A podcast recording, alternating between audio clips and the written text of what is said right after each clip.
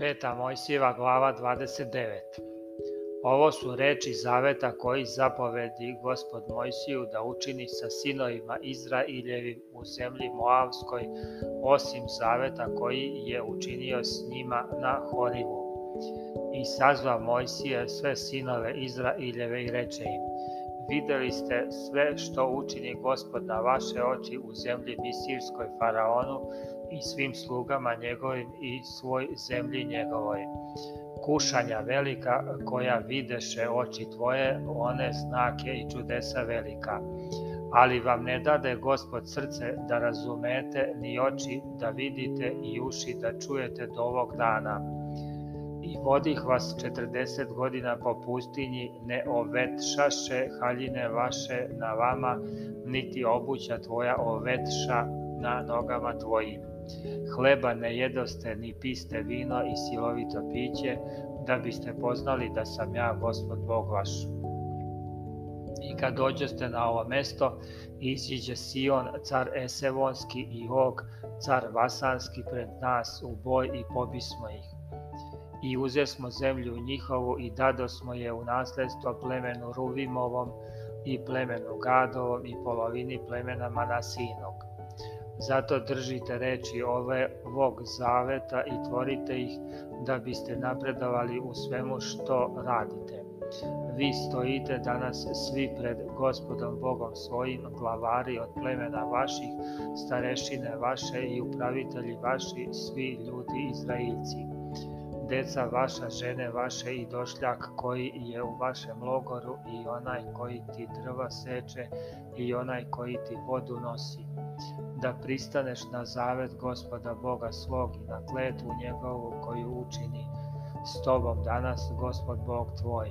Da te danas postavi sebi za narod i da ti on bude Bog,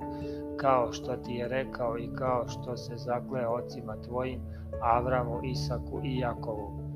i ne s vama samima činim ovaj zavet i ovu kletvu, nego sa svakim koji danas stoji ovde s nama pred gospodom Bogom našim i sa svakim koji ne, nije danas ovde s nama. Jer vi znate kako smo živeli u zemlji Misirskoj i kako smo prošli kroz narode kroz koje smo prošli i videli ste gadove njihove i idole njihove od drveta i od kamena, od srebra i od zlata koji su kod njih. Neka ne bude među vama čoveka ni žene, ni porodice, ni plemena, kome bi se srce odvratilo danas od gospoda Boga našeg, da ide da služi bogovima onih naroda, neka ne bude među vama korena na kome bi rastao otrov ili pelen i čuvši reči ove kletve da se ne pohvali u srcu svom govoreći, bit ću miran ako idem za onim što u srcu ovom smislim, dodajući pijanstvo žeđi. Neće gospod oprostiti takvome, nego će se onda raspaliti gnev gospodnji i revnost njegova na takvog čoveka i pašće na nj, Sva kletva koja je napisana u ovoj knjizi i istrebit će gospod ime njegove pod nebom i odlučit će ga gospod na zlo od svih plemena Izraeljevih po svim kletvama zaveta napisanog u knjizi ovog zakona